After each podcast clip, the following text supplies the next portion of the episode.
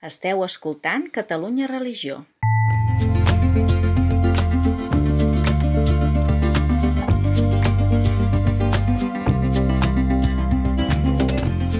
Converses en la frontera, un podcast de Gabriel Jaraba i Xavier Morlans.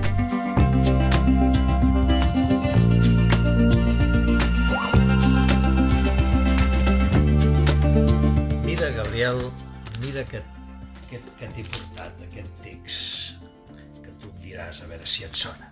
Podria ser, semblaria que pot ser d'un autor progressista, l'altre dia parlàvem de progressistes i conservadors, del postconcili, que fa una crítica de certes espiritualitats cristianes excessivament preocupades pel pecat i per la confessió.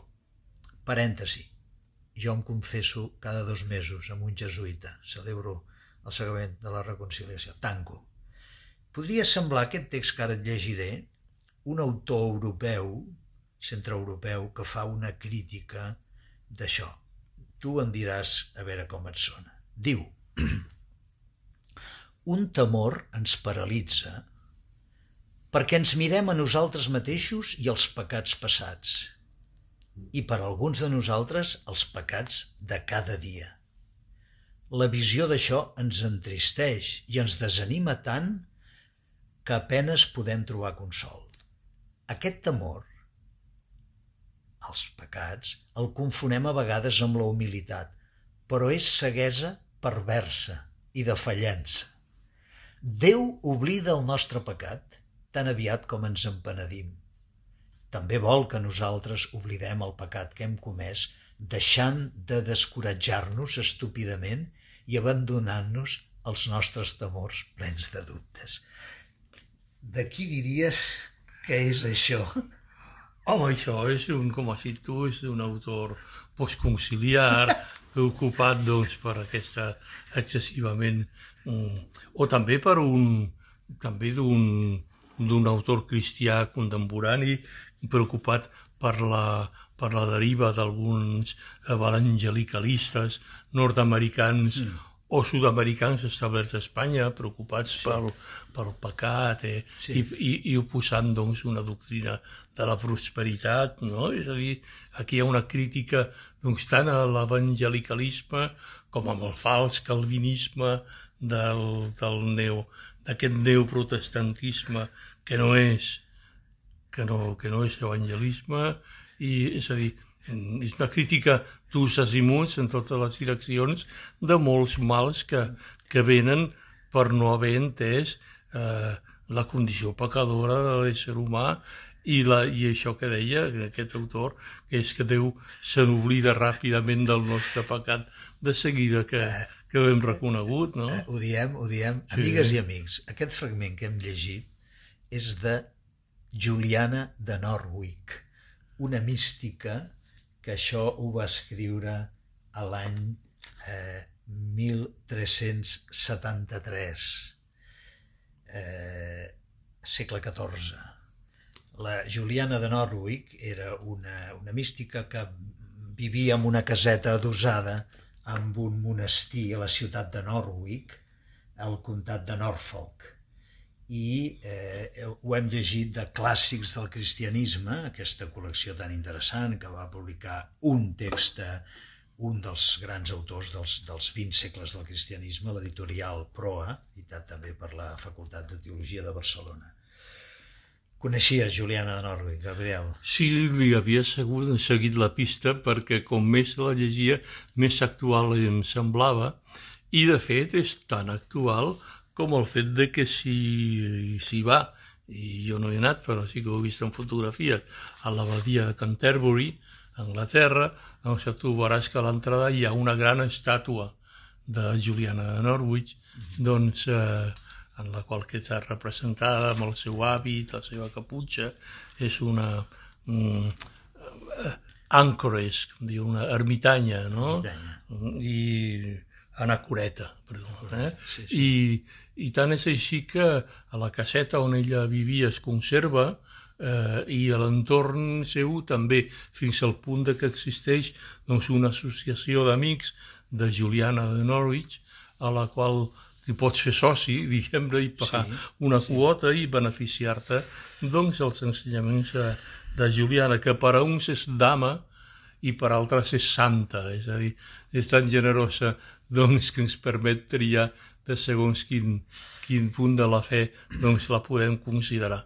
Juliana de Norwich és una d'aquestes dones místiques, n'hi han diverses que darrerament, amb l'onada del feminisme i amb tota raó, s'estan recuperant. De vegades, precisament per ser dones, els seus escrits havien quedat abandonats, oblidats.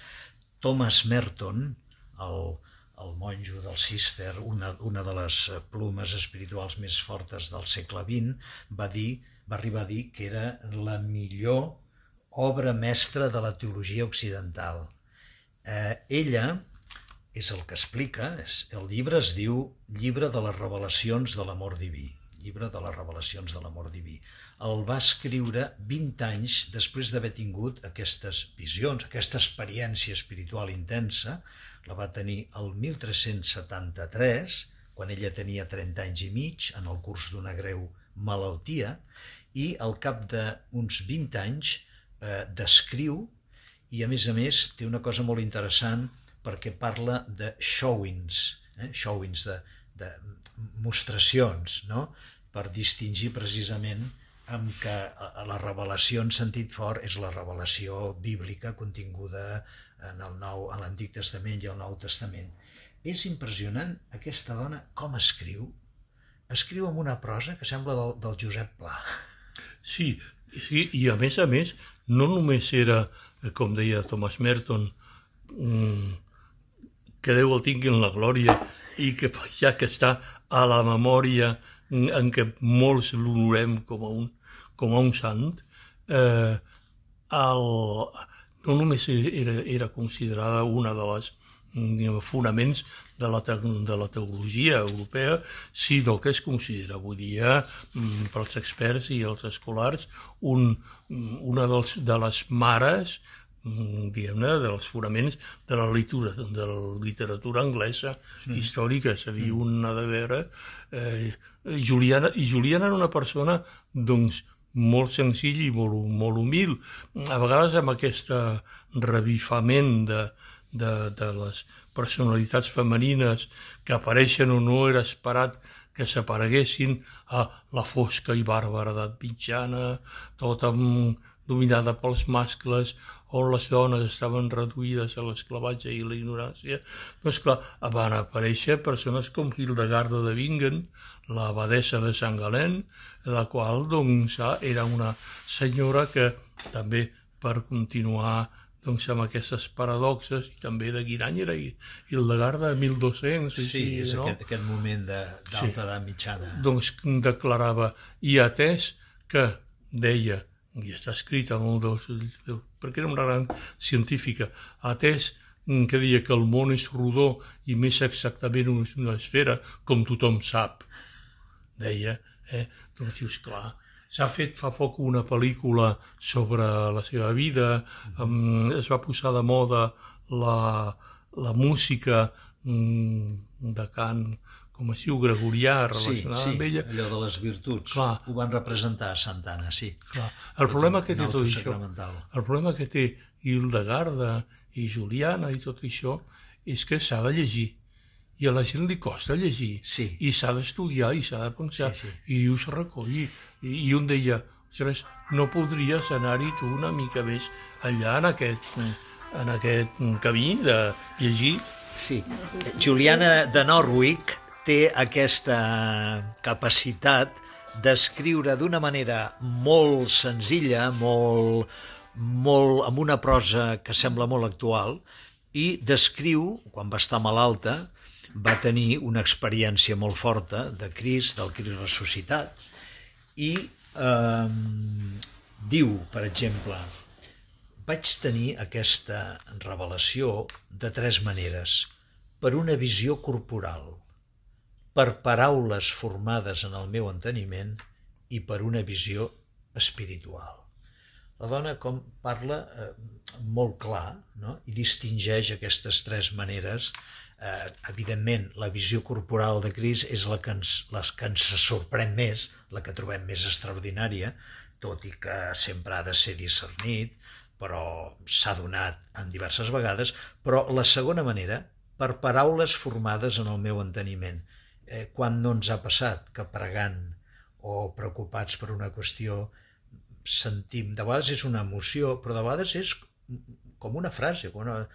fes-ho o no tinguis por o digue-li aquesta persona. Això, bé, estem parlant, evidentment, de l'experiència creient, però que, que es viu a través de la pròpia psicologia. I per una visió espiritual, que evidentment, com ja diu Sant Tomàs, doncs, eh, és també amb la nostra imaginació, si creiem que hi ha Déu, si creiem que hi ha l'Esperit Sant, que si l'invoquem, doncs eh, respon, eh, doncs eh, a mi m'impressiona la manera... Tot el, tots els capítols són molt curts, si no tingueu por de llegir, perquè no té res de la retòrica amb frases, amb frases subordinades a que sovint associem la literatura antiga. És impressionant, evidentment, poder-la llegir en anglès suposo que seria un plaer, i la teniu en aquesta col·lecció clàssics del cristianisme que està molt a l'abast, gairebé tots els preveres i laics i inquiets la tenen perquè va ser una gran iniciativa d'edicions de, Proa i de, i de la Facultat de Teologia de la Catalunya i Fundació Enciclopèdia Catalana i bueno, triaré, triaré altres, altres punts. Clar, Juliana és, Juliana és que eh, és anglesa. No? Correcte. Clar, I aleshores és eh, els, els que després aniran donant origen als empirismes i pragmatismes i no està per gaire sorgues. Eh? Exacte, exacte. I ella sap que s'ha d'explicar amb claretat, eh? amb claretat, amb precisió.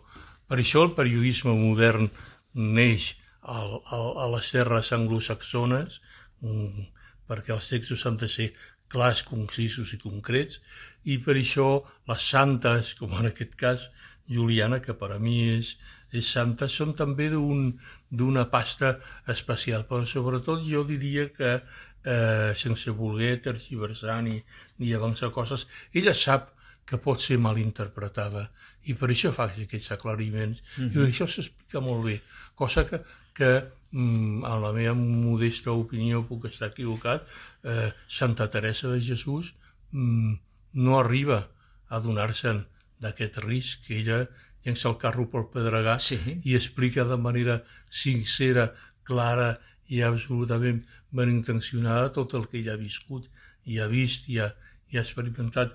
Juliana eh, és eh, anglesa i per tant és mal pensada. I constantment distingeix amb una gran precisió, constantment diu, diu això és el que ens fa veure l'Esperit Sant per dintre, que correspon al que l'Església ens ensenya. Constantment, constantment. Té un seny eh? i d'algunes coses, en tot cas potser diu això no, però en, en general sempre va dient això és el que l'Esperit Sant em va suggerir o ens suggereix, però que es correspon al que he après dels ensenyaments de la Mare Església constantment. Perquè sabem, per altra banda, sabem, per altra banda, que eh, la referència a l'Esperit Sant va quedar connotada negativament en la memòria de la Santa Mare Església quan a partir de Joaquim de Fiore, que és més o menys aquella època, a Itàlia, fa allò de dir eh, em sembla que era un monjo cistercenc, ell. Després el van seguir alguns, alguns franciscans radicals, no? els Fraticelli. I eh, diu Joaquim de Fiore, eh, l'Antic Testament va ser l'època del pare. El Nou Testament, fins ara, ha estat l'època del fill. Però ara, amb nosaltres, eh, sempre aquesta tentació de ara, ara sí, ara amb nosaltres comença l'època de l'Esperit Sant. I, és clar, un Esperit Sant desconnectat de l'autoritat del pare, i desconnectat de l'exemple concret de vida ordinària eh, de Jesús, l'Esperit Sant sol és la bogeria. No? I molt, alguns d'aquests, això surt a la, a la novel·la d'Umberto Eco, El nombre de la rosa, tot i que surt eh, anacrònicament, ho col·loca, ho col·loca més tard o abans, perquè alguns d'aquests radicals empesos per l'Esperit Sant es van dedicar no gens menys que a saltar palaus de bisbes que, vivien, que vivien molt aburgesats i amb concubines, els van incendiar i els van assassinar. O sigui que no ens ha d'estranyar que en la memòria dels últims responsables de la Santa Mare Església, quan sentíem parlar de l'Esperit Sant, per exemple, Ignasi de Loyola, van estar a punt de detenir-lo la Inquisició, perquè aquesta nova manera... En el fons, tota aquesta reforma que ja comença al 1300, eh, Ignasi de Loyola serà el 1520 i pico, ja venia aquest anel de retorn a l'Evangeli, d'una vivència d'un cristianisme no escolàstic, doctrinari, sinó vital, experiencial, no? la devoció moderna. No?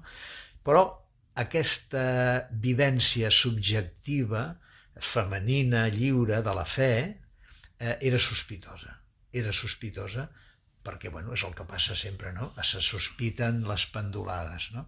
I per això té molt mèrit, perquè ella, com has dit tu, és com si ho preveiés, és com si s'ho veiés a venir, o és com si l'Esperit Sant la va assessorar, perquè era dona, laica, i escriu amb una precisió, amb un ajustant-se als temes sense passar-se ni un pèl, eh, impressionant, impressionant. Clar, és que, a veure, això no, no surt de la nit al, al matí, és a dir, Juliana Norwich era una persona molt culta, molt formada, no només era una dona alfabetitzada, sinó que ella és anacureta i per tant doncs fa abstracció, oblit del seu passat, no ens interessa saber d'on venia ni com havia viscut, però en el ara i aquí que aquest sí que és l'ara i aquí de veritat, on ella s'instal·la, mostra eh, la seva solvència,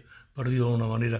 Jo em pregunto si d'alguna manera no passarà que aquesta explosió de voluntat doncs, de dur el cristianisme més enllà o de posar-lo sobre els seus propis peus que se'n va donar al segle XV, i per ahí, per dir-ho d'una manera així a la bèstia, eh, no és en realitat l'eclusió d'una cosa covada al llarg de l'edat mitjana.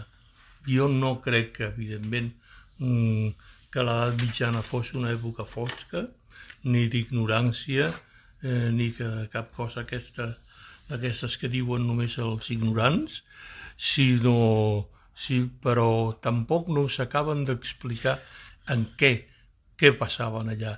I a mi m'agrada pensar que hi havia un, un caldo de cultiu un cop caigut l'imperi romà. És a dir, a veure, una societat com la societat europea que és capaç de construir i erigir catedrals, uh -huh. que, són, que són no solament un cant a la llum i un cant a la recerca d'aquesta llum, sinó una autoinstal·lació sobre la possibilitat de que això és possible, per dir-ho sí, sí. malament, eh, no solament no era una època fosca d'ignorància, sinó que era una època on s'estaven covant i preparant coses molt, molt ambicioses que amb el meu modest entendre encara avui dia estem veient i estem notant. Sobre això de la, aquest tòpic de l'edat mitjana com a època fosca, em recorda la història, petita història del món de Gombrich. Gombrich és austríac, era jueu, i quan arriba aquest capítol de l'edat mitjana diu sí, sí, l'edat mitjana era una nit fosca, però amb un cel estrellat. Per què? Els homes de l'edat mitjana seguien sent tan bèsties com els romans. Mataven, robaven i violaven. Però ara sabien que feien mal fet, que pecaven. Sí, aquí hi ha la diferència, que la condició humana és la que és i després de l'esfondrament de l'imperi romà va venir època dels senyors de la guerra, dels senyors feudals, els senyors amb dret a cuixa, com surt a les novel·les, que té la seva part històrica, no? que podien eh, passar la primera nit amb, amb les noies que es casaven, tot això, però sabien, diu Gombrich, que és jueu, sabien que feien mal fet, perquè el cristianisme, el cristianisme predicat pels monjos i viscut en els monestirs i pels rectors, havia anat sembrant la idea, quanta falta ens faria ara, no? Allò que deies tu, que havíem perdut el sentit de la culpabilitat i quanta falta faria, no? Com trobem a faltar ara aquesta saó, aquesta saó, no a la força, sinó al lliurament, doncs és molt bonica aquesta idea de que sí, sí, seguien pecant, violant, però sabien que feien mal fet. I si el bisbe els excomunicava, eh, eh, amb, la, amb la pau i treva de l'abat Oliva i tot això, doncs eh, i, a, i, a, i a 30 passes de l'església eh, era Sagrera, era lloc sagrat, que és el que fem a Santana ara. A 30 passes de l'església, si entrava una noia, si entrava un fugitiu, el senyor feudal no podia entrar amb els seus cavallers, amb els seus esbirros, perquè eh, eh, esdevendria excomunicat. Eh, Juliana de Norwich té una frase que em sembla que a tu t'agrada, no? que diu tot acabarà bé. Sí, la frase completa és eh, eh, i tot està bé mm, i tot està prou bé i totes les menes de coses acabaran bé. Perquè Déu ho està sostenint tot. És, és matxacona amb aquesta idea, no? Que fins i tot quan pequem, Déu ens està sostenint ens està sostenint i clar, i el que vol és que ens penedim i que tornem a ell, és una de les idees que insisteix. Sembla una mica allò del Tuto Andrà Bene, que la Marina Rossell li va posar música quan va sentir, quan la pandèmia, amb un vídeo d'Itàlia, que un nano per dalt del terrat li deia un altre Tuto Andrà Bene, no? Aquesta mena de confiança, eh, no ingènua, però aquesta mena de confiança, d'esperança que dona bé la fe en que darrere de tot estem en les mans d'un Déu, que és pare, pare bo. I ha passat una cosa, a més a més, eh, jo reflexiono molt sobre per què l'esquerra mm, mm, li passa el que li passa i arribo sempre a una sola conclusió. L'esquerra eh, li passa el que li passa perquè ha oblidat això tutto andrà bene i ha oblidat a Juliana de Norwich. En el moment en què l'esquerra oblida eh, la idea de progrés, mmm, l'esquerra es dissol a poc a poc. Es idea de progrés o idea d'esperança? És que van juntes. Uh -huh. És a dir, no, no té sentit eh, abusar per un progrés si no hi ha una esperança de millora. I, i juntament, i maneres de pensar i pràctiques polítiques fins i tot que passen avui dia per ser d'esquerres, en el fons són una altra cosa. Eh, I aleshores això ho estàs veient i ho veient d'una manera que està molt a prop. És a dir, mm, a mi m'agrada la frase de Juliana en all is well and all will be, uh, and all will be, will be well and all manner of things will be well mm, perquè representa aquesta confiança i no només amb la, amb la, amb la paternitat d'un pare, sinó amb el fet de que el món està molt ben fet i que les coses van com han d'anar. Uh -huh. I aleshores, segons si parles, diu, això és conformisme. I aleshores, clar, dic, no, això és realisme. La manca de, de, considerar això conformisme és una absoluta manca de realisme per no entendre com van les coses. Per què? Perquè els polítics que pensen d'aquesta manera, que això és conformisme, manca de realisme, desconeixen la realitat de la vida, començar perquè ells no han treballat mai. M'explico? I això a vegades pot explicar coses molt més greus. Ets la pera, Gabriel, eh? No, saltes, clar, és que... saltes del segle XIV, de Julià de Norwich, Avui... als dèficits de l'esquerra, que tu l'has coneguda i l'has i la, i viscuda i la vius per dintre, no? I la pateixes. Clar, Juliana, en una època eh, els amics de l'Institut de Psicologia Transpersonal de Barcelona em van demanar que participés en una formació amb la qual en una sessió doncs, on jo li donava doncs, una petita lliçó, no de mindfulness, però sí de consciència corporal, de veritat, eh, i jo parlava perquè la gent es calmés una miqueta i es anava repetint doncs, la, la frase de Juliana, no? I els hi vaig explicar què era, què era Juliana.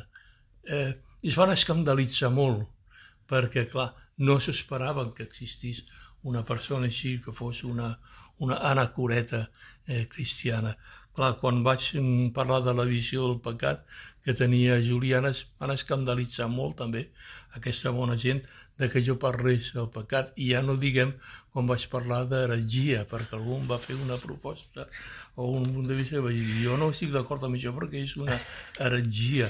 Clar, comprensió lectora, amics, m'explico, és a dir, tenim, mai a la vida havíem tingut tants eh, recursos intel·lectuals i instructius per poder despertar eh, d'aquest somni mm, horripilant i, ar i arribar doncs, a fer realitat aquesta edat de l'esperit que deia Joaquim de Fiore.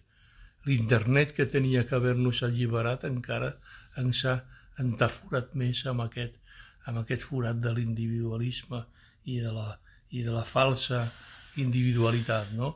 I dius, ostres, tenint a la mà Juliana de Norwich eh, i tenint a la mà totes aquestes possibilitats, mm, de quin pa fem rossegons, no? I per això jo, quan entro en contacte amb aquest tipus de, de persones i antecedents i d'herència, m'entusiasmo molt i em poso molt content.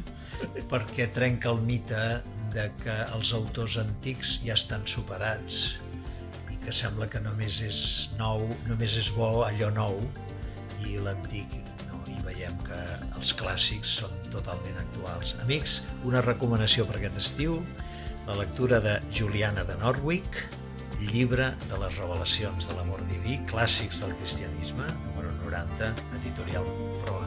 Bon estiu!